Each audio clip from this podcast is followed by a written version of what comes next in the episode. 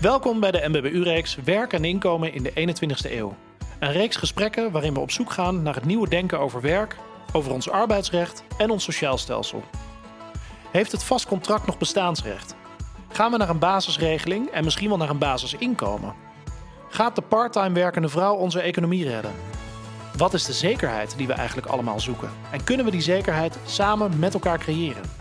En wanneer het in Den Haag gaat over werk, kan dan de menselijke maat en de alledaagse werkelijkheid van werkenden weer terugkomen in onze politiek. Vandaag ga ik daarover in gesprek met Koen Bruning. Uh, Koen is de auteur van het boek Samen Rijk. En in zijn boek schetst hij de contouren voor een heel nieuw sociaal stelsel voor Nederland. Waarin het vrijheidsdividend voor iedereen centraal staat. Koen, welkom. Wat leuk je weer te zien. Hallo. Ik um, ben blij je weer te spreken. Ik vind het leuk om vandaag met je verder te praten over, uh, over het vrijheidsdividend, zoals jij het uh, noemde, ook op de, de arbeidsmarkt van morgen, waar jij te gast was op, uh, op 27 mei. Um, we hebben daarin teruggekeken eigenlijk naar een interview wat ik eerder had met Philip Blom. Over uh, ja, cultuurverandering, over verandering in ons denken, wat we nodig hebben als samenleving om anders te gaan denken over welvaartsverdeling, over ons sociaal stelsel, over ons hele, ja, eigenlijk ons hele publieke domein. Jij hebt daarin, uh, voor degenen die dat niet geluisterd hebben, jij bent een, uh, een opkomende jonge denker in Nederland uh, met een, denk ik, een heel interessant verhaal hierover. Je hebt een boek erover geschreven, Samen Rijk. Kun je daar kort, kun je kort belichten wat je daarin uiteenzet? Ja, wat ik daar als idee neerzet is het vrijheidsdividend van 1000 euro per maand. wat lijkt op de basisregeling waar we onder andere over gesproken hebben op de arbeidsmarkt van morgen, voorgesteld door de MBBU. Namelijk een idee waarmee we elke burger een vloer geven om op te staan. Een bedrag waarboven ze alles mogen verdienen. Een bedrag waarboven ze in ieder geval een basiszekerheid uh, gaan krijgen. En vrijheid hebben, op, een vrijheid hebben om op allerlei manieren aan hun samenleving bij te dragen. En wat ik eigenlijk in mijn boek probeer te laten zien is dat naarmate de vermogensongelijkheid in ons land is gestegen, we op allerlei facetten zien dat we tot op zekere hoogte een neergang zijn gaan inzetten. Of dat nu is dat we zien dat naarmate samenlevingen meer ongelijk worden, het vertrouwen tussen mensen daalt, de mentale gezondheid verslechtert, de levensverwachting tussen rijk en arm, hoog en laag opgeleid tussen haakjes, uiteengroeit. Uh, of dat nu economisch is, economisch is, waarbinnen we zien dat er minder innovatie is in landen met meer ongelijkheid. Dat we zien dat er lonen stagneren en dat de verschillen tussen arbeid en kapitaal verder uiteengroeien. En tot slot ons politieke bestel, wat natuurlijk nu in Nederland heel relevant is om over na te denken hoe gaan we onze politieke instituties meer inclusief maken en zorgen ervoor dat de menselijke maat niet alleen terug kan komen, dat het vertrouwen in de burger weer terug gaat komen in de relatie tussen burger en overheid, maar ook dat die instituties uh, ook meer naar die burger gaan luisteren en dat informatie die aan de grond bestaat, lokaal, of dat nu bij bedrijven is of bij mensen, weer omhoog zijpelt en politici ook meer vanuit de praktijk gaan denken en minder vanuit de theorie en dan stel ik voor, laten we dit vrijheidsdividend introduceren. Niet alleen om die ongelijkheid terug te dringen, maar ook als kans om ervoor te zorgen dat we uh, makkelijker die instituties kunnen hervormen. Omdat het de overheid efficiënter maakt met minder bureaucratie. Omdat het ervoor zorgt dat werk, betaald werk in dit geval, iets minder belangrijk wordt. En dat er meer een betere balans komt tussen betaald en onbetaald werk, waardoor de polder ook anders kan gaan werken. En dat zijn allemaal interessante ideeën die ik zo goed mogelijk heb proberen op te schrijven. In dit geval het boek Samenrijk. Ja, het is, een, het is een hele brede visie over een heel breed en ook heel complex onderwerp. Um, het gaat over uh, welvaartsverdeling. Het gaat over de, eigenlijk de vrij radicale hervorming van ons sociale stelsel. Het gaat over de radicale hervorming van onze arbeidsmarkt. Voor zover je van een markt kunt spreken daarin. Uh, maar ook van ons arbeidsrecht, hè, het hele wettelijk kader wat, waarmee we eigenlijk uh, ja, werk en arbeid in deze samenleving regelen. Um, wat ik. Je zegt een hele hoop eigenlijk in korte tijd. Je schrijft ook in je boek schrijf je over. Je, ik, zeg al terecht, ik zeg al, denk ik, denk ik terecht, je hebt een hele brede visie op een heel breed onderwerp. Als we nou het onderwerp eens even beetpakken en eens even uh, stap voor stap gaan behandelen. Um, jij schrijft over uh, de noodzaak, of eigenlijk het verlangen tot het invoeren van een vrijheidsdividend. Dat is een, een, een vorm van een basisinkomen, wat, uh, wat eigenlijk is afgeleid van uh, de Amerikaanse democratische presidentskandidaat um, Andrew Yang. die het helaas heeft moeten afleggen tegen, tegen Biden, helaas voor hem. maar een, een, ja, een opkomend Amerikaans politicus van wie we denk ik nog veel gaan horen. Jij hebt, hij heeft de term vrijheidsdividend gecoind, geïntroduceerd. Je hebt dat overgenomen, je hebt dat eigenlijk uitgewerkt en vertaald naar de Nederlandse context. Ehm, daar denk ik een heel interessant boek over geschreven. Als we nu dat, dat vrijheidsdividend eens, eens beetpakken. Um, het is, de, de MBBU heeft, een, heeft een, een basisregeling voorgesteld voor alle werkenden. Dat is iets anders dan het vrijheidsdividend. Um, maar ik denk dat het, het, het denken eigenlijk over, uh, over de hervorming van het stelsel heel gelijk is. Hè? Jij stelt een basisinkomen voor in de vorm van een vrijheidsdividend. Uh, en er zijn steeds meer partijen die eigenlijk zien van jongens, we moeten onze, ons welvaartsstelsel, ons, ons uh, sociaal stelsel, stelsel van sociale zekerheid, moeten we helemaal anders gaan inrichten. Waarin zie jij um, eigenlijk de kernvoordelen van zo'n van zo'n vrijheidsdividend? Zoals je dat noemt. Ja, inderdaad. Om te beginnen is het waarom veel belangrijker dan het wat. Als in. Uh, dat is denk ik heel belangrijk om dat te benoemen. Precies, want in die zin is de visie tussen een basisregeling, vrijheidsdividend, basiskom, hoe je het ook wilt noemen, is in veel gevallen hetzelfde. Hoe gaan we ervoor zorgen dat dat sociale stelsel klaar is uh, voor de toekomst en voor de ontwikkelingen die we zien gebeuren op het gebied van automatisering en digitalisering? Hoe gaan we ervoor zorgen dat dat sociaal gaat gebeuren, waarbij mensen een bepaalde mate van bestaanszekerheid en inkomenszekerheid eh, kunnen voelen en vrijheid hebben om uh, ondernemend te zijn, om vrijwilligerswerk te gaan doen en op allerlei manieren aan onze samenleving bij te dragen. En in dit geval valt het vrijheidsdividend in de visie daarachter, de visie achter de basisregeling, vallen daar allemaal onder datzelfde kopje. Namelijk um, stelselhervormingen uh, introduceren en proberen te betogen die weer mensen meer vrijheid moeten gaan geven om uh, een andere baan te gaan kiezen die ze bijvoorbeeld leuker vinden, waarbij ze ook productiever worden. Of bijvoorbeeld op de werkvloer meer mogelijkheden te hebben om uh, op welke manier mogen te eisen dat er bepaalde dingen anders gaan, waardoor openlijk ook die organisatievoering uh, efficiënter is en op meer vertrouwen gebaseerd. Of dat nu in de samenleving um, is.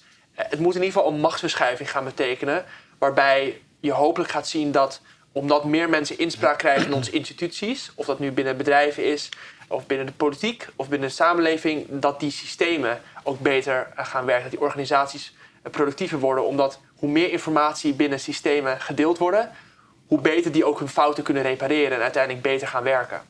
Ja, we zitten nu in het midden van de coronacrisis. Um, het land gaat langzaam weer open, maar het is nog maar de vraag of dat blijvend is. Het is ook nog maar de vraag of we ook uh, hè, misschien nu de pandemie langzaam aan het bestrijden zijn, maar of dat ook betekent dat we ook uh, uit alle economische problemen zijn. Of dat we ook de weg weer omhoog vinden in de economie. Ik, ik kan me voorstellen dat het nog steeds dat het voor heel veel mensen nog steeds een heel complex onderwerp is. Een, een basisinkomen, um, een basisregeling, wat eigenlijk weer iets anders is. Um, wat niet alleen een, een andere manier van uh, sociale zekerheid regelen is, maar ook het op een andere manier inrichten van uh, ons hele arbeidsrecht eigenlijk. Um, waarin we nu bepaalde arbeidsmarkt, arbeidsrelaties kennen. Hè? Een vast contract, een, een zelfstandige flexcontract, uh, mensen die als ZZP'er werken. Aan die, aan die verschillende arbeidsrelaties, uh, aan die vormen, daar hangen nogal wat uh, consequenties aan vast. Hè? Dat is in de afgelopen decennia zijn er heel veel rechten en plichten en verantwoordelijkheden aan die verschillende relaties komen te, komen te vatten. Dat is iets wat we ja, wat de politiek, wat, wat, wat, wat Den Haag zo heeft ontwikkeld. Hè, wat, wat uh, beleidsmakers in, in Den Haag zo hebben ontwikkeld over de tijd heen. En eigenlijk zijn we op een punt gekomen, al voor de coronacrisis was dat zo, dat er heel veel mensen, steeds meer mensen ook zeggen: jongens, dat hele stelsel dat moet gewoon radicaal op de schop. We moeten die, al die verschillende rechten en plichten en, en pensioenen en verzekeringen en, en, en zorgverzekeringen en dergelijke, die allemaal komen met een vast contract die ZZP'ers bijvoorbeeld allemaal niet hebben. Die moeten we helemaal loskoppelen van al die, van die arbeidsrelaties. En die moeten we eigenlijk voor alle werkenden in dit land gelijk maken. Zorgen dat iedereen een basispensioen heeft. Zorgen dat iedereen verzekerd is tegen uh, arbeidsongeschiktheid. Iedereen een, uh, een, basisverzekering in de ziektekosten heeft en dat soort dingen. Um, valt dat voor jou? Jij schrijft met name over het basisinkomen, hè, het vrijheidsdividend, waarin je iedereen gewoon een, een bedrag per maand of per jaar uitkeert. Uh, hoe kijk jij naar meer die basisregeling? Dus meer het loskoppelen van al die, die, uh, ja, die, die, die, hoe zeg je dat? Die zekerheden, die andere zekerheden van dat vaste contract. Heel positief, omdat je dan een nog veel bredere uh, stelselherziening hopelijk kan gaan bewerkstelligen. Waarbij je eigenlijk veel regelingen die, die door de jaren heen zijn ontstaan, vanuit een systeem wat na de Tweede Wereldoorlog is, is geschapen. Waarbij eigenlijk bestuurders, zonder dat ze het weten, inderdaad allerlei stoplappen hebben gecreëerd. Wat zich hebben opgestapeld tot een systeem waarbinnen werken niet loont. Waarbinnen mensen meer onzekerheid hebben omdat ze eigenlijk niet weten: uh, heb ik wel recht op een toeslag? Moet ik hem ooit terugbetalen? Of dat nu andere onzekerheden zijn rondom hun hypotheek of pensioen. Maar introduceer je zo'n basisregeling waarbij, waarbinnen werkenden gewoon een bepaald bedrag krijgen en daarboven van alles en nog wat uh, kunnen gaan verdienen. En ook nog de ruimte hebben om ook te gaan sparen. Wat volgens mij heel belangrijk is, ook juist voor een generatie die nu opkomt, die helemaal nog niet aan sparen uh, denkt, überhaupt kan denken, gezien de kwetsbare positie waarin zij zich bevinden. En het zou daarmee dus ook een heel enthousiasmerende en, en, en innovatieve oplossing zijn vanuit de polder, als ze dit samen willen aanpakken. En het zal dus ook, gezien het feit wat jij noemt, dat er nu heel veel regelingen bestaan, waarbinnen dus ook heel veel organisaties omheen gecreëerd zijn, die weer heel veel belangen hebben bij het huidige systeem, heel veel moed en politiek leiderschap vergen, leiderschap vanuit bestuurders, om mensen mee te krijgen in, in dat verhaal. En ook nu, nu dat die urgentie er lijkt te zijn na, eh, na deze coronacrisis, om dingen te gaan veranderen. En daar ben ik heel benieuwd naar. En in die zin past die basisregeling daar perfect in. Ja, die, die politieke moed en die bestuurlijke moed die nodig is om tot, tot, ja, tot radicale veranderingen te komen. Ehm, en ik noem het radicaal. Dat is het woord radicaal, dat bij sommige mensen heeft dat een hele negatieve, hele negatieve bijsmaak. Maar het is nogal wat waar we het over hebben. Eigenlijk, we hebben het over echt een, een, een flinke hervorming. We hebben het niet over verandering binnen een bestaand kader. We hebben het echt over het scheppen van een heel nieuw kader. Zoals jij dat ook in je boek beschrijft. We hebben eigenlijk een heel nieuw, nieuw dak nodig op het, op het democratisch huis. Hè? Op, ons, op onze samenle democratische samenleving. Um, die politieke moed en die, die bestuurlijke moed om dat ook om anders te gaan denken en om ook anders te gaan doen, om dat voor elkaar te krijgen, daar wil ik zo meteen nog even met je, met je verder op ingaan. Maar laten we eerst eens teruggaan naar die overheid zoals we die vandaag zien. Jij zegt terecht, eh, vanaf de Tweede Wereldoorlog hebben we een sociaal stelsel opgebouwd, wat over de decennia heen steeds meer is uitgebreid, is veranderd binnen, binnen de context van een bepaalde uitgangspunten. Namelijk dat je moet werken en als je werkt, betaald werk doet, dan heb je ook eh, toegang tot allerlei sociale voorzieningen en allerlei sociale zekerheden en dat soort dingen. Ehm, en als je niet werkt of geen werk uh, kunt krijgen of niet kunt werken, ja, dan val je daar helemaal buiten. Maar dan hebben we de bijstand of de, uh, nou ja, de, de arbeidsongeschiktheidszekerheden die we dan nog verder hebben, die over de tijd heen ook heel erg zijn veranderd, maar eigenlijk steeds meer zijn uitgehold. Ehm, in je boek schrijf je heel, heel uh, vind ik dat je een hele mooie uh, metafoor gebruikt. Je zegt, we hebben eigenlijk samen, als samenleving, hebben we, een, hebben we een nieuwe vloer aan te leggen waar iedereen op kan staan. Mensen hebben weer grond onder hun voeten nodig. Als we nu kijken naar de praktijk, um, we kijken uit over Den Haag hier op de 19e etage van de Mali-toren. Dan zie ik vooral heel veel uh, wantrouwen. Dan zie ik vooral een politiek stelsel wat wat niet meer weet hoe ze, dit, hoe ze, dit, hoe ze het huidige systeem nog uh, ten goede kunnen keren. Uh, wat eigenlijk continu bezig is met, met reactief optreden, met labmiddelen creëren voor problemen die zich voordoen. Um, nou ja, en die problemen worden alsmaar, uh, alsmaar dieper eigenlijk. We hebben nu de toeslagenaffaire gezien. dat is een, het begin eigenlijk van een hele opening van hoe onze fiscale dienst heeft gewerkt in de afgelopen 10, 15 jaar. Um, dat vertrouwen van heel veel mensen in die overheid is weggevallen. Dat vertrouwen in het dak van, een, van ons gemeenschappelijke huis, dat is, dat is weggevallen. Als wij samen tot zo'n nieuwe basisregeling willen komen, en dan heb ik het over een basisinkomen, het vrijheidsdividend, maar ook de basisregeling voor alle werkenden, voor alle mensen die, uh, die werken op wat voor manier dan ook, dat, dan hebben we wel vertrouwen in elkaar nodig dan hebben we wel vertrouwen in elkaar nodig, maar vooral ook weer vertrouwen in onze politieke leiders. Willen we zo'n grote transitie met elkaar de komende jaren kunnen maken? Hoe kunnen wij, denk je, dat vertrouwen weer terugwinnen? Door in het klein te beginnen, en dat is ook een beetje wat Herman Cenk Willing uh, zegt in zijn boek Groter denken, kleiner doen. Hoe gaan we groot denken? Door kleiner te doen. En door vanaf lokale niveaus, en dat brengt ons terug bij dat idee van het huis bij dat democratisch huis, waarin ik eigenlijk beargumenteer dat we zien dat een samenleving gefundeerd is op vier pilaren: een sociale pilaar, een economische pilaar, een politieke pilaar en een rechtsstatelijke pilaar, waar wij als burgers elke dag aan werken, is het dak van het huis niet in evenwicht. zijn onze politieke en economische instituties, markt en overheid, uh, ten opzichte van het maatschappelijk middenveld, die balans dus markt, overheid en samenleving, is dat dak niet in evenwicht, dan zullen burgers zich minder beschermd zien en ook minder vrijheid hebben om aan die pilaren te werken.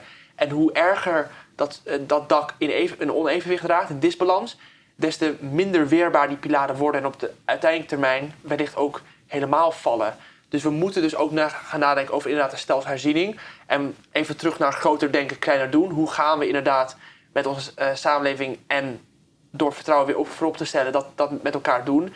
Dat is door de instituties inclusiever te maken en ervoor te zorgen dat inderdaad, nog voordat zo'n toeslagenaffaire kan ontstaan, we de, de wegen en de gangen en de kanalen hebben gegraven waarbinnen burgers inspraak kunnen hebben, waarbinnen werknemers vormen van inspraak hebben, waarbinnen informatie omhoog kan, kan, kan sijpelen. En als het ware ervoor kan zorgen dat fouten eerder gezien worden en we dus ook die problemen niet meer hebben. En fouten toegeven, fouten kunnen doorgeven, openstaan om je fouten in te zien en openstaan voor feedback van onderop, dat vergt vertrouwen. En dat is het aller, allerbelangrijkste. Creëer die instituties die, die, zich rondom, die zich op vertrouwen baseren en je krijgt het terug en je zult informatie uh, ook krijgen over wat beter moet. En dat, zo simpel kan het ook zijn. Alleen omdat we zo vastzitten in de, de, de manier van besturen die we door de jaren heen hebben opgebouwd, is het ook heel lastig soms om daar buiten te denken. Waardoor het dus ook weer nogmaals heel belangrijk is om in gesprek te gaan met elkaar hierover. Dus. Hebben we die, hoe, hoe tragisch het ook voor al die mensen is die erdoor geraakt zijn. En daar is echt, daar is echt diep, een diep leed veroorzaakt uh, voor tienduizenden mensen. Maar is dit, is dit niet een wake-up call die we als samenleving ook nodig hebben gehad om in te zien van jongens, als, het begint allemaal bij het feit, bij uh, het vertrouwen van de overheid in burgers. Pas als, als de overheid zijn burgers vertrouwt, dan kunnen, dan kunnen burgers ook hun overheid vertrouwen. En dan kunnen we ook hen het vertrouwen geven, hen, daarmee bedoel ik onze politiek leiders, het vertrouwen geven om ook.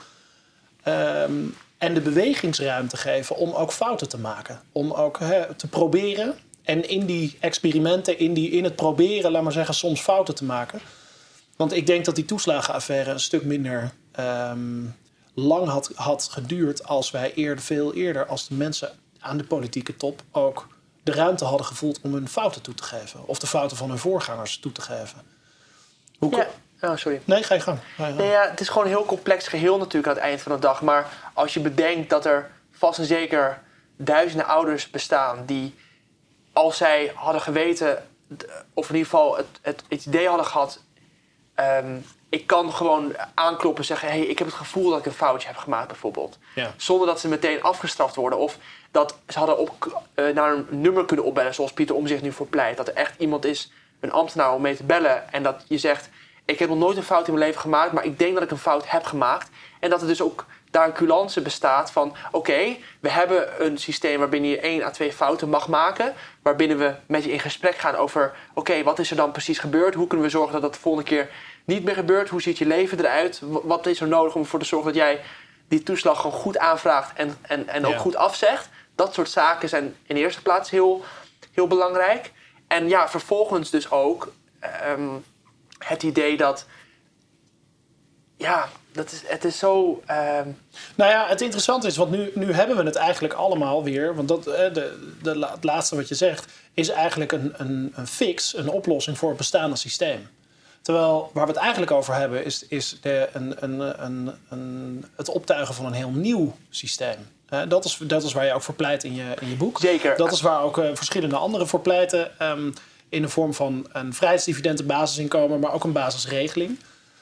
Um, eigenlijk hebben we een heel nieuw systeem nodig, want we blijven anders achter de feiten aanlopen.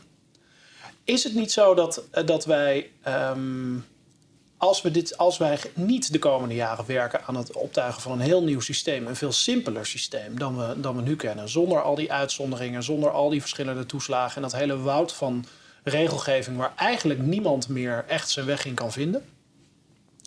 Als we dat niet doen, maar gewoon doorgaan, is het niet zo dat er vroeg of laat gewoon het hele systeem implodeert? Zoals nu al implodeert met de toeslagenaffaire. Dat mensen gewoon. dat de samenleving het niet meer pikt. Dat het zo complex is geworden. Dat mensen gewoon ophouden om, om daarin deel te nemen. Of zodanig aan de bel trekken. zoals bij de toeslagenaffaire is gebeurd, dat, nou ja, dat, dat heel politiek Den Haag vervolgens lam komt te liggen? Absoluut, want het moment waarop mensen het gevoel hebben niet gehoord te, te worden, hebben ze een gevoel van, van, ja, ik word hier genaaid. Alleen hoe dat dan gebeurt en waarom, daar valt dan het gat waarbinnen heel veel uh, politici kunnen springen en hen een verhaal kunnen geven die zich baseert op leugenachtigheid of op basis van onfeitelijkheden, maar waarmee ze volgens wel mee in zee gaan en op stemmen, waardoor uiteindelijk dat systeem nog fragieler wordt, want het zijn vaak de mensen die vervolgens enkel op het gebied van rancune hun politiek hebben gebaseerd, maar geen systematische oplossing willen bieden aan mensen om de verhoudingen binnen, binnen ons democratisch huis gezonder te maken en mensen meer vrijheid te geven. Vaak baseert, baseert die politiek zich op, op een politiek van mensen, mensen uitsluiten. En de mensen die dan overblijven, die krijgen dan een paar uitkeringen hier en daar. Maar het zijn niet echte stelselmatige veranderingen. En om terug te komen naar het punt inderdaad... we zullen dus ook ervoor moeten zorgen dat we nu een verandering in gang zetten... en dus geen quick fixes doen. En dat we ervoor gaan zorgen dat burgers gewoon echt in gesprek kunnen treden met een overheid. Dat ze daar niet bang voor zijn. Maar nog belangrijker, dat politici uh, of de moed hebben om te zeggen: ik, ik, ik, ik geef mijn fouten toe. en er zich niks van aantrekt wat de media daarvan vindt. Maar dat ook de media na gaat denken over hun rol in die toeslagenaffaire. En om meer specifiek te worden, die, die mediacultuur die er bestaat, waarin politici eerder afgerekend worden, waarbij er scheidingen worden gemaakt tussen goed en kwaad. En dat het eigenlijk heel erg uh, heel weinig ruimte is voor, voor nuance in, in heel veel zaken. Waardoor ook politici denken, ja, waarom zou ik mijn fout toegeven als er toch geen ruimte is voor nuance? Op het moment dat ik mijn fout toegeef, is het meteen slecht. Ja. Dus dat is een cultuurverandering die je met z'n allen moet gaan in, in, gang moet zetten. En dat zal niet alleen mensen vergen die erover schrijven, die met mensen erover in gesprek gaan. Maar het zal ook vergen inderdaad dat het van binnenuit komt. En, ja. ja. ja. We gaan vooruitkijken. Stel, we, we gaan de komende jaren zo'n uh, zo'n basisregeling invoeren. Waarbij we, zoals jij schrijft, een vrijheidsdividend invoeren. Um, maar ook daarnaast een, een stelsel van uh, een, een, een arbeidsrechtkader scheppen eigenlijk... waarin alle werkenden weten waar ze aan toe zijn. Waarbij alle werkenden min of meer dezelfde rechten en verantwoordelijkheden hebben. Um, hoe zou zo'n basisregeling... Je, je schrijft al dat zou volgens jou 1000 euro per maand moeten zijn als je het hebt over puur het basisinkomen. Als we dan kijken naar die basisregeling, hoe zou die er volgens jou uit moeten zien? Wat zijn daar de belangrijkste pijlers volgens jou in? Dat het mensen inkomenszekerheid geeft. Dat is één. Dat het zoveel mogelijk onvoorwaardelijk is, volledig onvoorwaardelijk. Waardoor mensen dus ook meer macht hebben en meer onafhankelijkheid en vrijheid uh, om uh, zich gezonder te voelen, maar ook om zich te bewegen, om zich door een leven te bewegen. En dat het een, ja, dat komt terug op inkomen zeker, dat het een bedrag is wat echt mensen de mogelijkheid geeft. Niet alleen om uh, meer geld uitgeven, om buffertjes paraat te houden, maar ook om zelf wellicht te. Uh, ja, nee, nee, dat eigenlijk. Nou, kijk, want een van de dingen waar bijvoorbeeld uh, uh, die regeling die de MBBU heeft laten doorrekenen, uh, waar die op focust, is um, gelijke rechten en verantwoordelijkheden voor mensen die om even in de oude termen te spreken, mensen die nu in een vast arbeidscontract zitten of werken, vanuit een arbeidscontract werken. Of, en aan de andere kant heb je flexwerkers, je hebt ZZP'ers. Dat zijn heel veel verschillende soorten werkers. Maar aan het einde van de dag zijn het allemaal mensen die werken en die iets bijdragen aan deze samenleving. Um, en de ene categorie heeft ontzettend veel rechten en zekerheden opgebouwd. en de andere categorie niet. Um, of andere categorieën niet, of in ieder geval minder een van de, van de, de gedachten achter een basisregeling is niet alleen dat je mensen een zeker, uh, zeker bestaanszekerheid geeft, maar dat je ook mensen bepaalde rechten en verantwoordelijkheden geeft die ze allemaal delen. Bijvoorbeeld in de vorm van pensioen voor iedereen. Betekent ook dat ZZP'ers een stukje aan pensioenopbouw zullen moeten gaan doen. Um, meer flexibele arbeidscontracten, waardoor het makkelijker wordt om vaste contracten te doorbreken. Um, dat betekent voor werkenden dat ze ook uh, ja, zich vaker zullen moeten omscholen, bijvoorbeeld. Dus je zult ook moeten denken aan onderwijs voor iedereen. Dus jij schrijft nu met name nog, hè, Samenrijk gaat, gaat, gaat in, in essentie gaat het over bestaanszekerheid. En jij beschrijft dat aan de hand van het vrijheidsdividend. Maar eh, gaat het, als je het echt nadenkt over het vrijheidsdividend en verder dat door, dat concept verder doordenkt, gaat het dan niet over veel meer dan alleen geld? Gaat het ook niet over bijvoorbeeld uh, gegarandeerd toegang tot onderwijs. Zeker, het moet ehm. een, dat is ook een van de redenen waarom ik in mijn boek zelf zeg... het vrijheidsdividend of een vorm van basisrecht is een start. En van daaruit moet je ook na gaan denken over hoe je ervoor kunt zorgen dat, dat, dat bepaalde schillen, of hoe je dat ook wil zeggen, of mensen uh, die buiten bepaalde kaders zouden vallen, ook de mogelijkheid hebben om zich continu door te ontwikkelen als ze dat willen. Uh, de mogelijkheden hebben om gewoon een bepaalde mate van waardigheid binnen een samenleving uh, te vinden. En zo'n basisregeling in dit geval, zeker als je kijkt naar de scheiding tussen vast en flex, is daar een heel mooie oplossing voor. Want je zorgt ervoor dat de verantwoordelijkheden die nu steeds meer disproportioneel bij de flexwerkers zijn gelegd, op een gezonde manier verdeeld wordt. Je creëert een bepaalde mate van solidariteit tussen, tussen mensen. Ja. En je zorgt ervoor dat die scheiding uh, opgelost gaat worden. En dat het feit, en dat ligt meer in het verleden, dat flexwerkers zich, of ZZP'ers, of hoe, hoe je de groep ook wil uh, inkaderen, toch minder vertegenwoordigd zijn in politiek Den Haag, uh, ertoe geleid heeft dat die scheiding überhaupt ooit ontstaan is. En ja. dat daar nu iets gedaan aan zou worden via zo'n basisregeling is een heel goed iets. En daarbij moet je dus ook over andere dingen nadenken. Of dat nu uh, onderwijzen mogelijkheden zijn voor, voor mensen om zich te, te, te, herscholen en ga zo maar door. Waardoor je niet alleen onze samenleving uh, sterker maakt, maar ook onze economie. Nou, en ik denk dat we dus ook um, uh, daarin verder, verder met elkaar moeten, moeten praten over het wegnemen van schotten. Die wegnemen van die grenzen en die scheidslijnen in de samenleving. Ik denk dat dat uiteindelijk is waar het, waar het in essentie over gaat. Een basisregeling, een basisinkomen. Ik denk dat dat de achterliggende idee is. Um, in feite dat we constateren dat we een samenleving hebben opgebouwd, hebben ontwikkeld, waarin heel veel scheidslijnen zijn komen te bestaan en, en zijn, zijn gecreëerd tussen mensen. Um, soms door onkunde, maar soms ook door als negatief bijeffect van een maatregel die ooit met de beste bedoelingen is opgetuigd, maar die gewoon nu in de praktijk niet meer blijkt te, blijkt te werken. Um, en ik denk dus dat het, dat het in essentie gaat, wat ik al zei, over, die, over het wegnemen van die scheidslijnen tussen mensen. Waardoor je weer veel meer als samenleving het idee hebt, we zitten allemaal met elkaar in dezelfde boot. En um, de richting die wij samen opvaren, die hangt van ons allemaal af. En daar zijn wij ook allemaal voor nodig. Ik denk dat dat misschien wel mooi is om uh, mij af te sluiten. We hebben het op het, arbeids, op het congres, de arbeidsmarkt van morgen, hebben we het ook gehad over over de waarde van werk. En over de essentie, hè, de, niet alleen de financiële waarde van werk, maar de diepere betekenis van werk.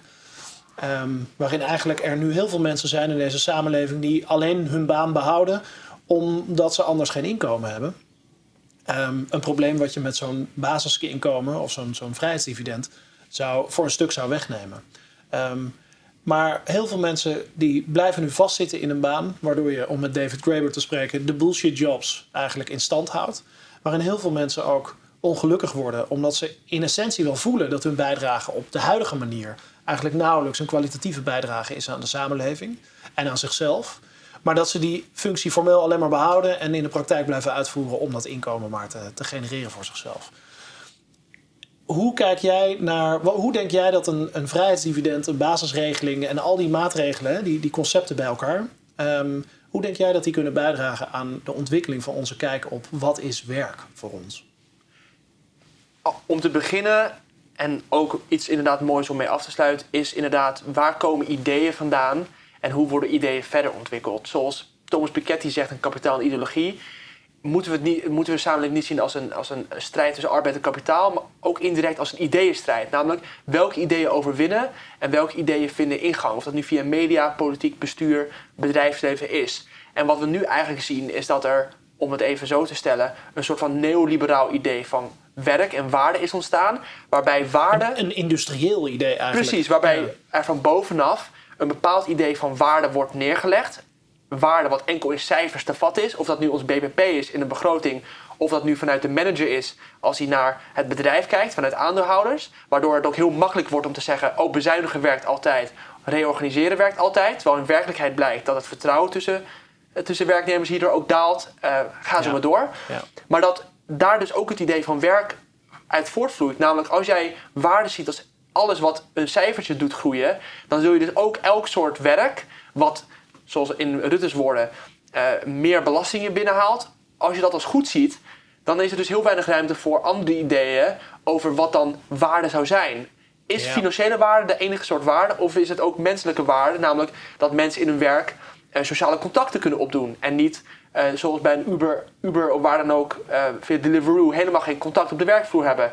Is werk ook dat mensen een bepaalde mate van waardigheid kunnen vinden. En niet dat ze in een eindeloze monotoonheid de continu dezelfde handeling aan het uitvoeren zijn. Dat is waar we het over moeten hebben. En als je een systeem op tuig zet waarbij er voor bepaalde mensen werk wordt gecreëerd ehm, die, mensen, die eigenlijk mensen helemaal niet leuk vinden. Ehm, zoals Graeber in dit geval uh, zegt. Ja. Ja, oh ja, zoals Graeber zegt, tot slot. Als je een economie eh, creëert voor de 1%, dan creëer je ook werk wat in dienst staat van die, 1, uh, eh, van die, van die 1%. En we moeten dus ook een economie gaan creëren die niet enkel om de 1% werkt. En dan zul je vanzelf, en dit komt ons weer terug op informatiedeling, zal uiteindelijk ook ervoor gaan zorgen dat omdat burgers meer macht krijgen en macht om input te geven, er ook ander soort ideeën zullen ontstaan. Dat die ideeënstrijd gezonder wordt. En dat ons dak, en dat is, dat, zo zeg ik het ook, het dak is ook een evenwicht van logica's. En als het dak van de markt te dominant wordt, dan zul je ook zien dat winst het enige is waar we ons, waar we ons mee bezighouden, terwijl er ook andere waarden zijn. Ja. Laten we hopen dat we de komende jaren kunnen komen tot een economie van abundance, een economie van overvloed en niet een economie van schaarste waarin het schaarste denken regeert. Uh, Koen Bruning, auteur van het boek Samenrijk. Ik dank je hartelijk voor deze bijdrage um, en aan de luisteraars. Ik wens jullie in de diepere betekenis van het woord nog een waardige dag toe. Dit was een aflevering in de MBBU-serie Werk en Inkomen in de 21ste eeuw. Alle afleveringen in deze serie zijn te luisteren via de bekende podcastkanalen. Voor een overzicht ga naar mbbu.nl/podcast.